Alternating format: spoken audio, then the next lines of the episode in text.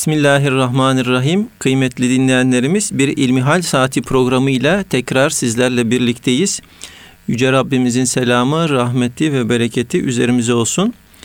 Efendim sizlerden bize ulaşan soruları değerli hocamız Doktor Ahmet Hamdi Yıldırım cevaplandırıyor.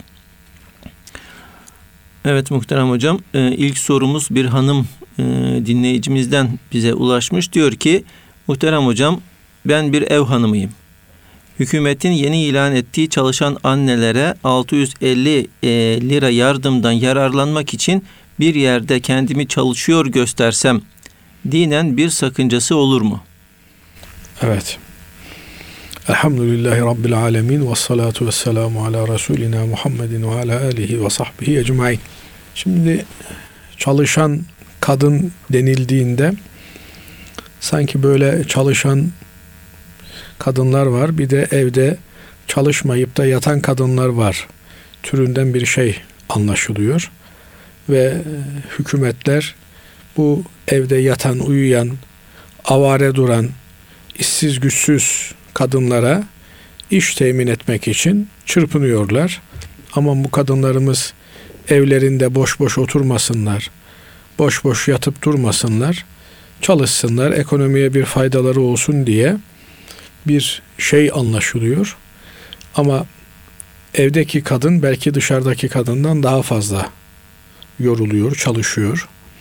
Çünkü ev dediğiniz yapının, evin, bizatihi kendisinin, evde bulunan evin reisi, erkeğin, çocukların birçok hizmetleri söz konusu.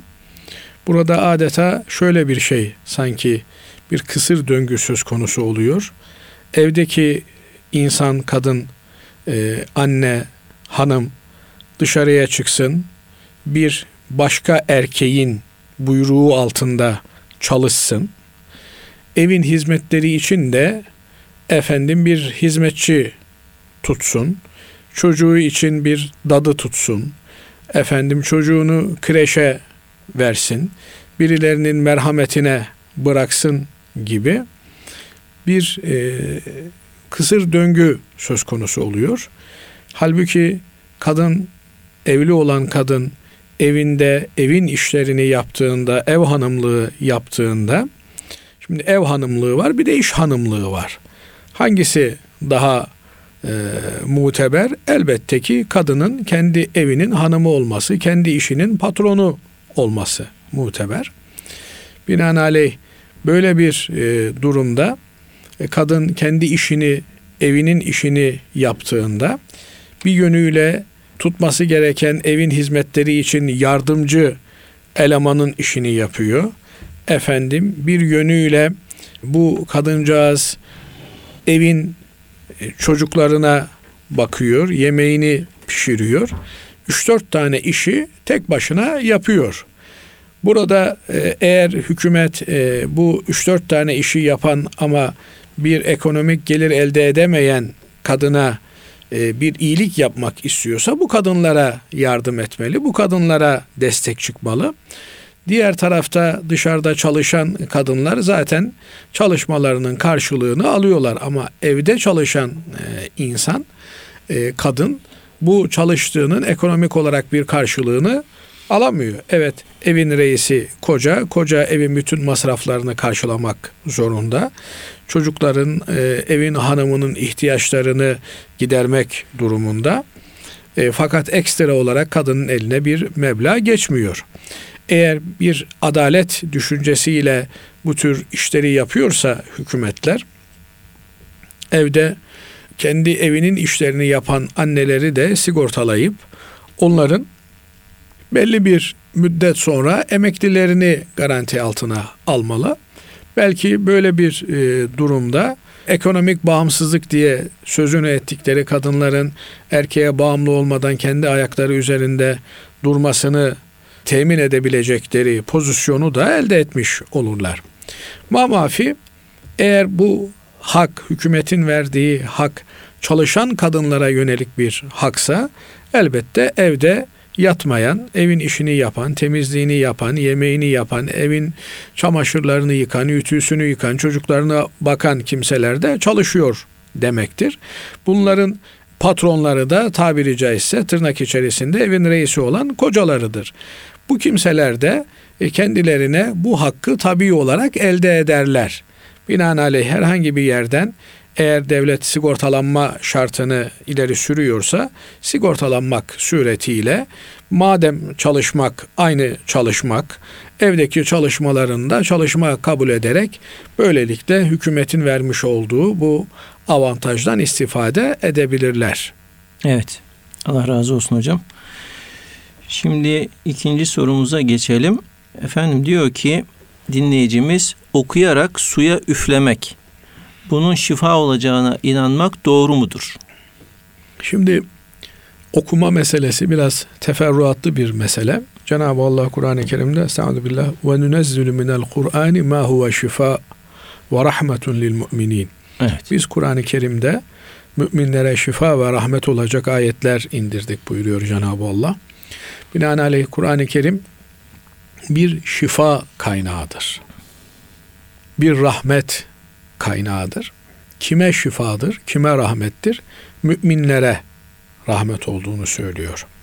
Binaenaleyh eğer bir kimse inanarak Kur'an-ı Kerim'in şifa olduğuna, rahmet olduğuna inanarak Kur'an-ı Kerim'i kendisi okur veya bir başkasından kendisi için okumasını talep ederse Cenab-ı Allah ona şifa ihsan eder.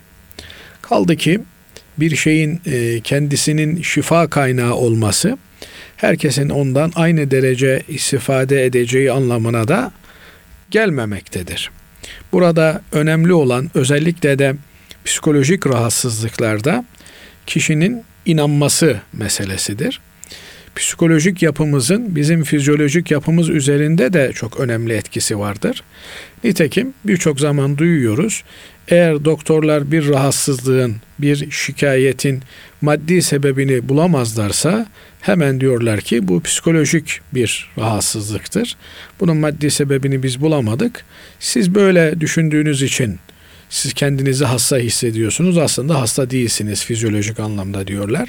Demek ki buradan da anlaşılıyor ki bir takım fiziki belirtilerin temelinde, kaynağında psikolojik rahatsızlıklar olabilir. Evet. Ve günümüzde de bu psikolojik rahatsızlıklar ayyuka çıkmış durumdadır. Nitekim Hazreti Ali Efendimiz'e soruyorlar Basri Hocam. Cenab-ı Allah'ın hangi ordusu daha şiddetli, daha güçlüdür diye. Biliyorsunuz Cenab-ı Allah ve lillahi cunudu semavati vel ardı yerlerin ve göklerin orduları Allah'ındır diyor.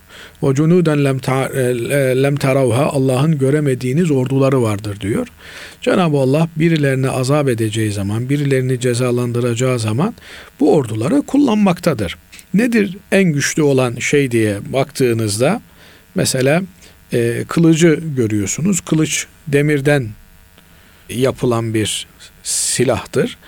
Ama bakıyorsunuz bu demir ateşte eriyor. Demek ki ateş daha güçlü. Ateşe bakıyorsunuz. Ateşi su söndürüyor. Su daha büyük bir güç olarak karşımıza çıkıyor. Su dediğiniz buluttan geliyor, iniyor. E bulut o zaman daha bir üst güç olarak ortaya çıkıyor. Bulut dediğiniz rüzgarla efendim hareket ediyor. Rüzgar daha büyük bir güç olarak ortaya çıkıyor. Rüzgar dediğinize de insanoğlu tahakküm ediyor. Ee, onu etkisi altına alabiliyor. İnsan bir güç olarak karşımıza çıkıyor. İnsan dediğiniz uykuda çaresiz kalıyor. Yani uyuyor, uykuda e, mağlup hale geliyor. E, uyku en büyük bir silah olarak karşımıza çıkıyor. Ama bakıyorsunuz dert varsa adamda o zaman uykuyu da uyuyamıyor. Demek ki en büyük silah dertlenmek, endişelenmek. Nitekim Mevlana Hazretleri de diyor ki insan birkaç damla ve binbir endişeden mürekkeptir diyor. Birkaç damla kan ve binbir endişeden meydana gelmektedir. Cenab-ı Allah bugünkü 21. yüzyıl insanına en büyük bela olarak psikolojik rahatsızlıkları vermiştir, endişeleri vermiştir. Ee, Birçok kimse bakıyorsunuz endişe hastalığına yakalanmış, kaygı hastalığına yakalanmış. Birçok meseleyi kendisine problem etmeye başlamış. Huzuru yok. Yarın ne olacağız endişesine düşünmüş. Çocuğum yarın ne olacak endişesine düşünmüş. Ve bu endişeler de piyasada birileri tarafından çok iyi bedellerle satın alınıyor ve insanlara bir takım denize düşen adeta yılana sarılır gibi birilerine bir gelir kapısı meydana geliyor. Ve bu insanlar da işte bazen suya okudum e, bu sana fayda edecek, elmaya okudum bu sana fayda edecek diye. Evet son günlerde böyle bir elma e, fotoğrafı görmüştüm. Okunmuş elmalar. Şimdi burada e, bu mesele iki tarafı e, keskin kılıç gibi duruyor e, Basri Hocam. Bir işin fabrikasyon haline gelmesi, yani işte efendim bu elmaları toptan okuduk, bunları alan şöyle bir e, hastalığa karşı kendisini korumuş olabilir vesaire. Bu ayrı bir mesele. Burada tabii o görülen fotoğraflarla kimseyi itham etmek de istemem ben. Çünkü bildiğimiz arka planlı bildiğimiz bir şey değil. Fotoğrafın evet. üzerinden de kimseyi yargılamak doğru bir şey değil. Yani adam bunu ticari olarak mı yapmış, prim elde etmek için mi yapmış yoksa karınca e, kararınca birilerine en azından psikolojik bir destek olmak için mi bunu yapmış bunu bilmiyoruz. Şimdi dolayısıyla bizim e, hastalıklarımız hem e, fizyolojik hem de psikolojik hastalıklarımız temelde bizim e, bağışıklık sistemimizin bağışıklık sistemi denilen insanın dışarıdan gelen zararlı şeylere karşı koruyan sistemin kilitlenmesiyle ortaya çıkıyor. Yani mesela eğer yoğun bir kaygı veya yoğun bir depresyon hali yaşıyorsanız vücut kendisini savunmasız hale getiriyor. Çünkü vücuttaki iyileştirici organizmalar e, psikolojik olarak rahatsızlığın sebebiyle o alanda toplanıyorlar. Ve böylelikle tabiri caizse kontrol noktaları açıkta kalıyor, e, giriş kapıları açıkta kalıyor ve buradan her türlü e, zararlı nesne insan vücuduna girebiliyor. Ama okunmak suretiyle, kendisine okuması suretiyle veya e, kendisine okumaktan daha ziyade belki e, iyi bir insan olduğuna, salih bir kimse olduğuna inandığı bir kimsenin yanına giderek ona okunması suretiyle okunan şeyler de tabi manası bilinen Kur'an'dan veya Efendimiz Aleyhisselatü Vesselam'ın sünnetinden rivayet edilen hadislerden bir şeyler olması gerekiyor. Yoksa manası bilinmeyen abuk subuk şeylerle herhangi bir şekilde okunmanın caiz olması söz konusu olmaz. Ama Kur'an ayeti okuyorsa, Fatiha-i Şerife'yi okuyorsa efendim bu e, kimsenin Fatiha'nın isimlerinden bir tanesi de Şafi'dir. Yani şifa olmaktadır Fatiha-i Şerife. Evet. Böyle bir kimse kendisine okuduğunda bundan şifa ümit edebilir, bekleyebilir. Aksi bir durumda zaten Allah muhafaza etsin adamın imanından şüphelenilir. Efendim kendisi bir başkasından okunma talep edebilir. Efendim Basri hocam bugünlerde kendimi iyi hissetmiyorum beni bir okuyabilir misiniz? diyebilir. Niye? Basri hocamın ehli takva olduğuna, ehli salah olduğuna, kendisinden daha iyi bir Müslüman olduğuna inancı vardır. Kaldı ki bu tür okumalar beraberinde duayı da getirmektedir. Yani Fatiha-i Şerif'i okursunuz. Peşinden de Allah'ım hayırlı şifalar lütfetsin dersiniz. Bu bir Müslümanın bir Müslümana duasıdır. Cenab-ı Allah bir Müslümanın bir Müslümana yaptığı duayı kabul eder. Niye?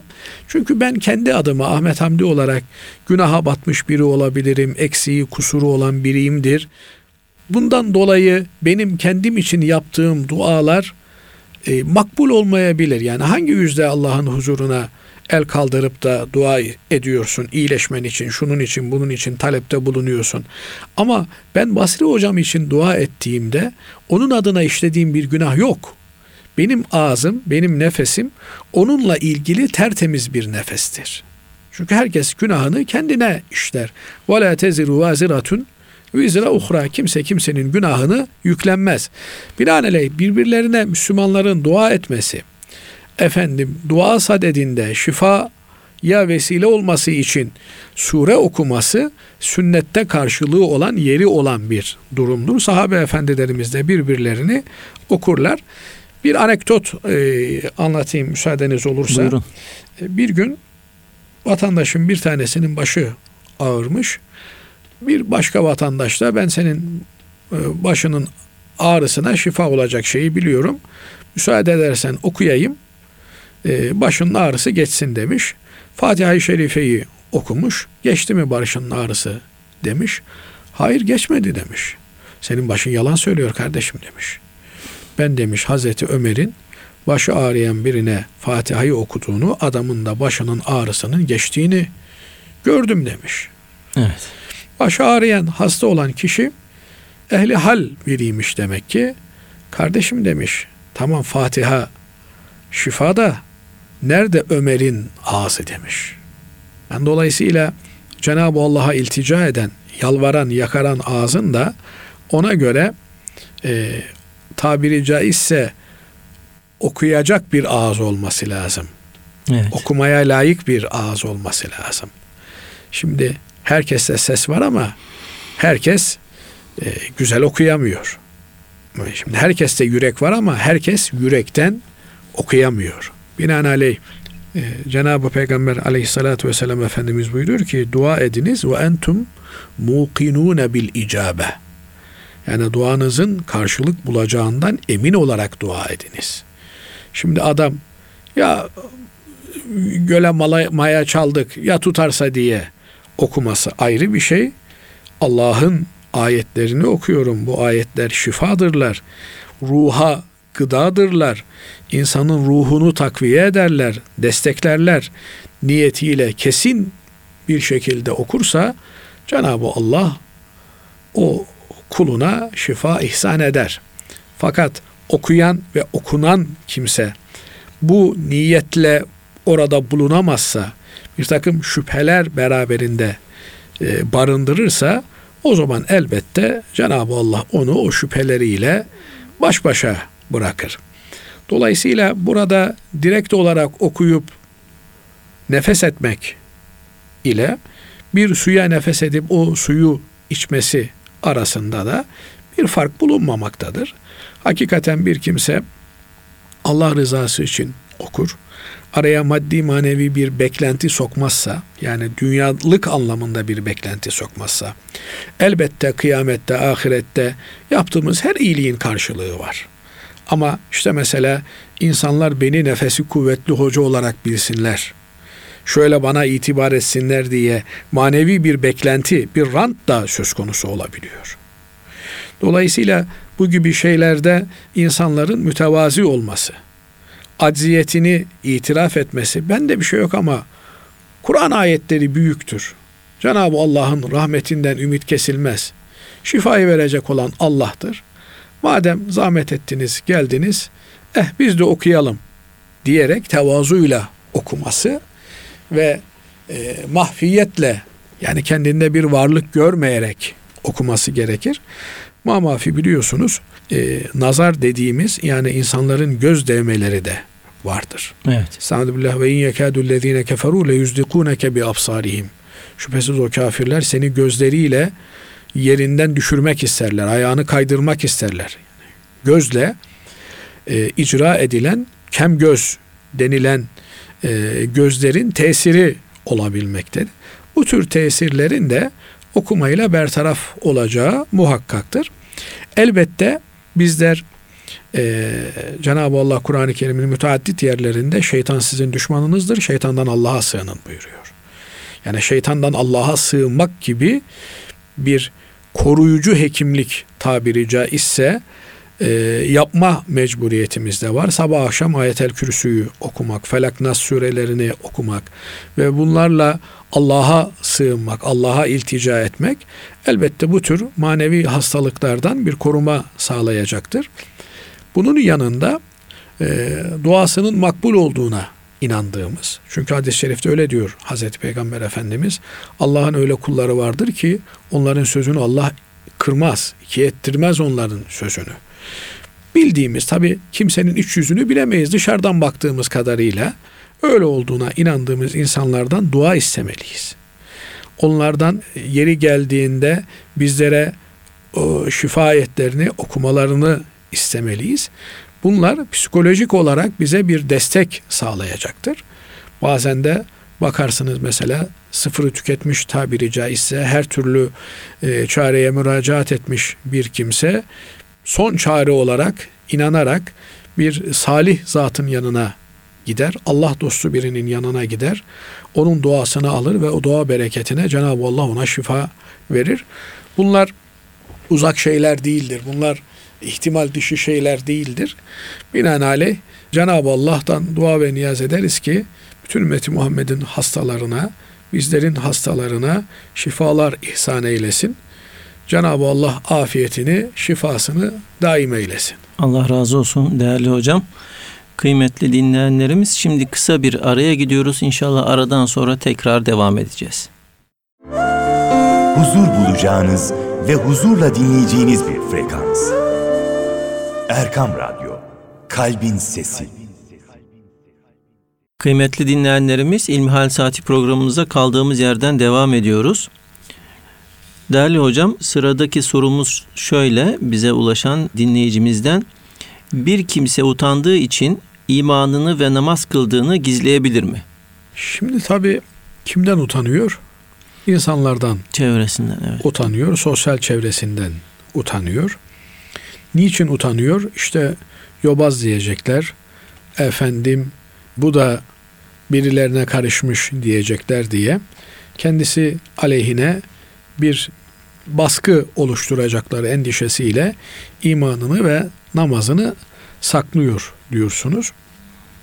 Bu tabii çok vahim bir durum. Yani bir insan Allah'tan korkması gerekirken, Allah'a karşı hayalı olması gerekirken, Allah'a iman ettiği için insanlardan utanıyorsa, birilerinden utanıyorsa, çekiniyorsa burada ciddi bir sıkıntı var demektir.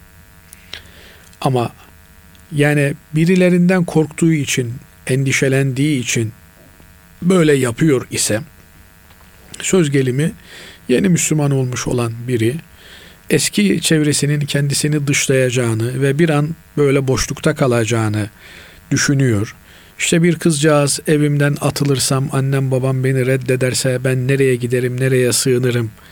Böyle bir endişesi varsa yani burada makbul olan endişeler, korkular söz konusu ise o zaman Cenab-ı Allah e, kalbi imanla mutmain olduğu halde eğer bir kimse küfre zorlanıyor ise yani ben inançsızım dedirttiriliyorsa bir kimseye kalbi imanla dolu olduğu sürece bu ona zarar vermez buyuruyor. Malen ifade ediyorum. Yani burada da bir kimsenin e, Müslümanlığını gizlemesi geçici bir süre için efendim uygun şart ve zeminler oluşuncaya kadar gizlemesi nitekim Habeş kralının Necaşi'nin biliyorsunuz Hazreti Peygamber aleyhissalatü vesselam Efendimiz Mekke-i Mükerreme'de e, Müslümanlar çok darlandıklarında bir grup Müslümanı Habeşistan'a gönderiyor. Oraya hicret etmelerini evet. söylüyor. Efendim e, çünkü diyor orada adil bir hükümdar vardır diyor. Siz oraya iltica edebilirsiniz, göçebilirsiniz diyor. Bugün de işte ülkemize göçen insanlar var. Türkiye'yi adil bir ülke gördükleri için Türkiye'ye sığınan insanlar var. O günde Müslümanlar Habeşistan'a sığınmışlar. Hakikaten Necaşi gelen Müslüman heyetinin e, başlarıyla görüşmüş ve bir an Müslümanlığını ilan edecek olmuş. Bakmış ki saraydaki kahinler, e, din adamları vesaire filan isyan ediyorlar. Ben sizi denemek istedim demiş. Ama sonradan anlıyoruz ki vefat ettiğinde Hazreti Peygamber Efendimiz gıyabi cenaze namazını kıldığına göre Necaşi iman etmiş. Fakat imanını gizlemek zorunda kalmış. Binaenaleyh bir takım haklı gerekçelere dayanarak bir Müslüman imanını gizliyorsa burada imanını gizlemesi onun Müslümanlığına zarar vermez. Fakat işimi kaybedeceğim. Sosyal itibarımı kaybedeceğim. Efendim bugüne kadar beraber olduğumuz işte bilmem ne muhitindeki arkadaşlarım benden soğuyacaklar türünden. Böyle çok basit, çok süfli şeyler sebebiyle eğer Müslümanlığını gizliyorsa çok tehlikeli bir durum söz konusudur. Yani Müslümanlığından utanıyor demektir bu. Evet. Halbuki Müslümanlık utanılacak bir şey değil. Göğsünü kabarta kabarta ben Müslümanım demesi gerekir bir Müslümanın. Ben namaz kılıyorum, namazda huzur buluyorum. Herkesin aradığı huzur namazda diyebilmeli. Şimdi bazen tabii e, şunu da kendi kendimize soruyoruz. Yani biz namazda hakikaten huzur bulabiliyor muyuz? Namazdan lezzet alabiliyor muyuz? Tadabiliyor muyuz diye. Evet yani istediğimiz huzuru, lezzeti, tadı belki alamıyoruz ama bir gün alacağız diye ümit ediyoruz. Kaldı ki namaz kılamadığımız zaman da böyle ateşten bir gömlek giymiş gibi hafakanlar basıyor bizi. Allah muhafaza eylesin. Dolayısıyla namazın bizatihi kendisinin bir huzur yönü var. Niye? Çünkü insan denilen varlık aciz. Kendisinden yüce bir varlığa sığınma ihtiyacını hissediyor. O da alemlerin Rabbi, kainatın, evrenin sahibi olan Cenab-ı Allah. Ve bizim sığınağımız da namaz. Namazda kendimize geliyoruz. Namazda huzur buluyoruz. Namazda her şey anlamını buluyor. Bunu söyleyip de insanların namaz ehli olmalarını teşvik etmek yerine namaz kıldığını saklıyor, gizliyor ise e burada e, tabi bunu bir dünyalık için yapıyorsa, bir beklenti için yapıyorsa çok yazık bir durum yani Allah muhafaza eylesin. Yani dolayısıyla bizim ilk vazifemiz Allah'a kul olmak. Allah'a kul olmadıktan sonra, olamadıktan sonra ne olursak olalım hiçbir kıymeti, hiçbir değeri yok. Ancak şöyle bir mülahaza belki yine burada düşünülebilir. Yani bir adam bir yerde casus olarak bulunuyordur da kendisini gizleme ihtiyacı vardır. Geçici olarak belki Evet. böyle bir e, gizlenmeye ihtiyaç İstisnai bir durum. İstisnai bir durum. Yoksa göğsünü gere gere namaz kıldığını ifade etmeli. Tabii bu biraz da nereden oluyor Basri Hocam? Yani şimdi bir kadıncağız düşünün. Ee, İslam'ın emri olan örtüyü takmıyor. Yani örtülü değil. Efendim e, müsait olmayan, İslami açıdan müsait olmayan ortamlarda çalışıyor. Ya şimdi bu ben namaz kılıyorum yani örtünmeyen bir kadının namaz kılıyorum demekten de çekinmesi normal.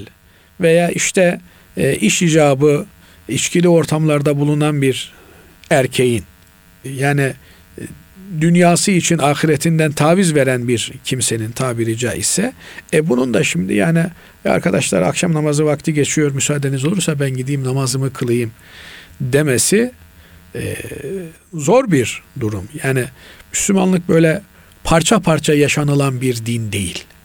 Evinde Müslümansın, işinde e, işte liberal takılabilirsin. Böyle bir şey yok. Yani evinde Müslüman, okulunda Müslüman değil.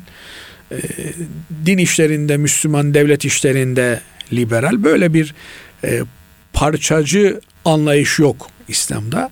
Müslüman her yerde Müslümandır ve Müslümanlığını tebliğ ile mükellefiz. Ağzınızda bir şey söylemenize gerek yok ama trafikte giderken bir kişiye yol verebiliyorsanız, saygılı davranabiliyorsanız, e bu sizin Müslümanlığınızın dışarıya tezahürü olarak ortaya çıkar. Evet. Evet. Allah razı olsun. İbadetlerimizi cenneti kazanmak için yapmamız yanlış mıdır? Hayır. Nitekim Cenab-ı Allah cennete girmek için yarışın diyor. Hayırda yarışın diyor. Cenab-ı Allah cenneti bir mükafat olarak bize veriyor. Hatta ve hatta inna Allah iştara minel mu'minine enfusehum ve emvalehum bi enne lehumul cennet. Allah Müslümanların canlarını ve mallarını karşılığında cenneti vermek üzere satın almıştır diyor. Nitekim sahabe-i kiram efendilerimiz Hazreti Peygamber aleyhissalatü vesselam Efendimiz şunu şunu yapacaksın dediklerinde bunun karşılığında bize ne var ya Resulallah demişler. Evet. Hazreti Peygamber Efendimiz de cennet var demiştir. Tabi cenneti istemek e, aslında Allah'ın rızasını istemektir. Çünkü Allah'ın rızasına nail olmadan cenneti kazanmak mümkün değil ki. Yani cennet Allah'ı memnun ettikten sonra kazanılabilecek bir yer olduğu için cenneti de istesen Allah'ın rızasını istemiş olursun.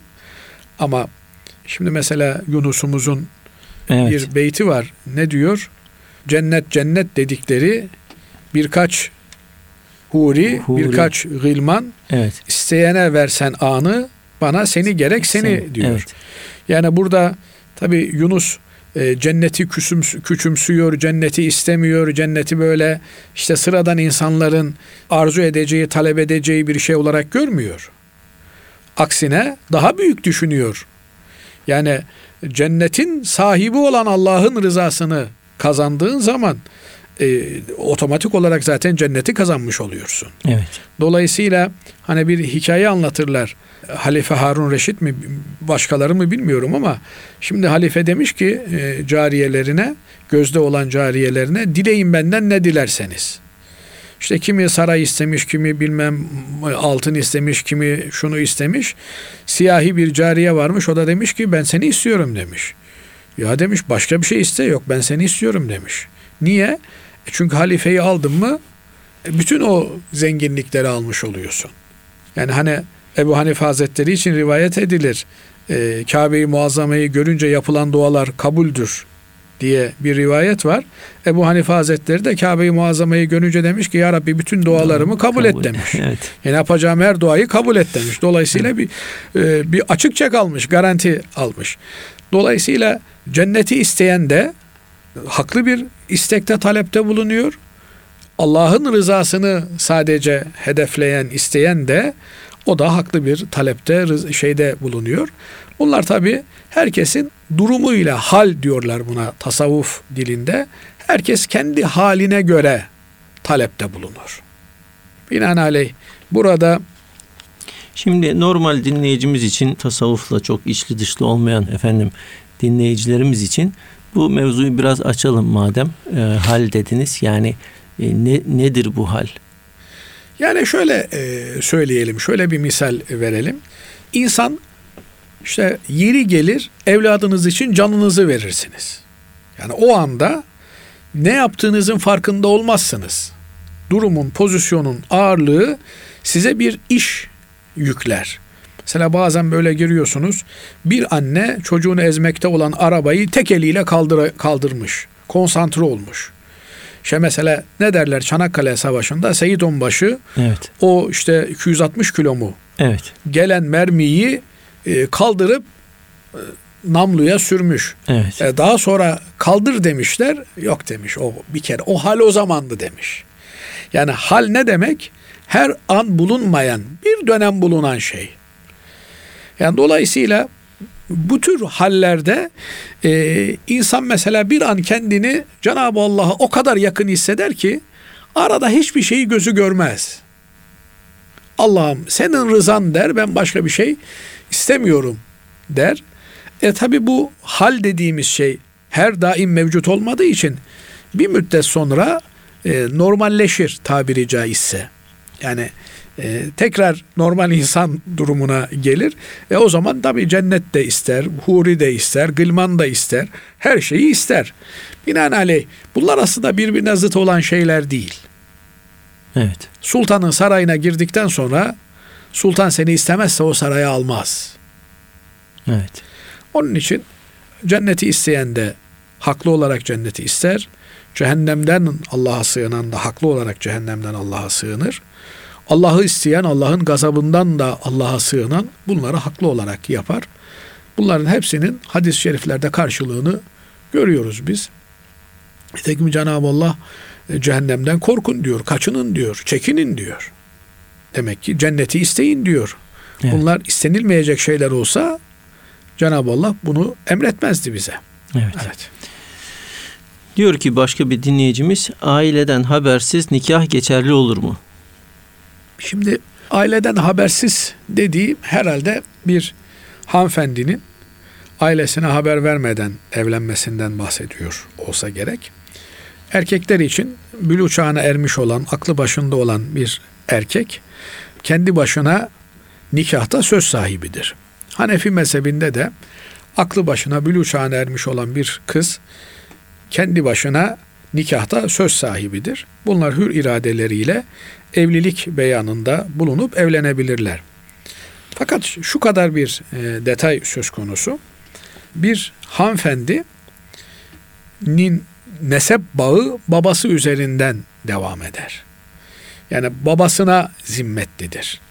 Bir evlilik boşanıncaya kadar veya ölünceye kadar sürer. Yani evlilik böyle evet ebedi olarak biz nikahımızı kıyıyoruz ama yani fiili duruma baktığımızda, realiteye baktığımızda ölümle veya boşanmayla sona eriyor. Böyle bir durumda tekrar e, hanım baba evine döner ve babasının soyadıyla tabiri caizse kütüğüne döner ve yükümlülükler babaya aittir. Böyle olduğundan dolayı bir kız baba evinden ayrılırken babanın rızasıyla ayrılmalı.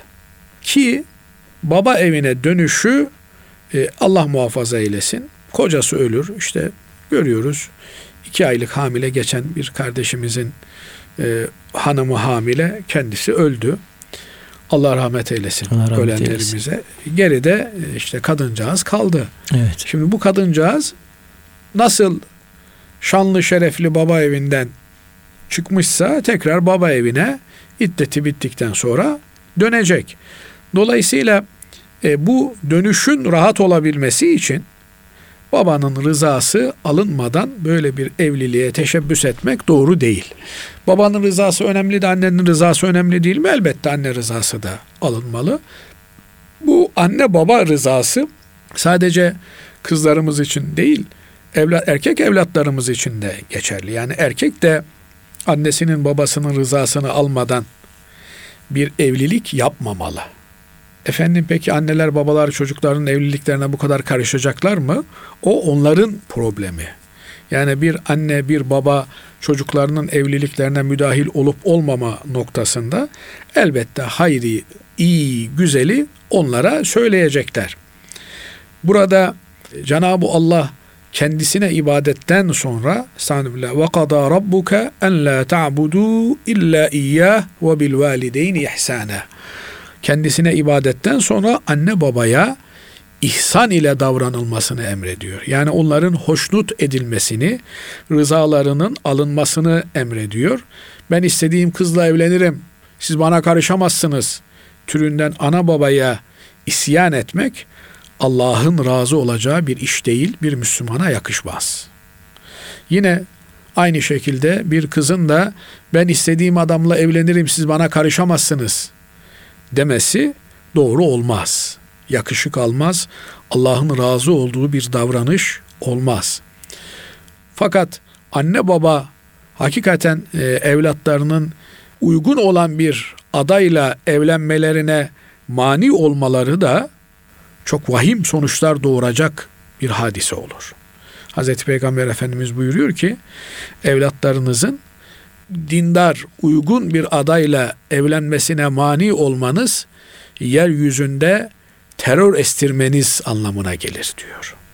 Yani bir teröristin yaptığı neyse anarşi çıkartmak neyse bir babanın kızını dindar aileyi geçindirebilecek bir delikanlıya vermekten çekinmesi efendim onun e, ailesi şöyle bunun bu böyle diye bahaneler etmesi e, terörle eşdeğer kabul edilmiş Efendimiz Aleyhisselatü Vesselam'ın beyanında.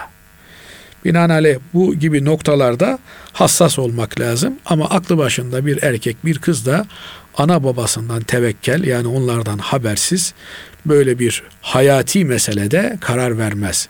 Kaldı ki kız evladının kocasından ayrılması da kolay olmadığından çünkü kadına dinimiz boşanma yetkisi vermiş ama boşama yetkisi vermemiş. Evet. Binaenaleyh ben bu adamdan hoşlanmadım. Bundan boşanıyorum. Bunu boşadım deme hakkı yok kadının. Fakat kocasından veya mahkeme üzerinden boşanmayı talep edebilir.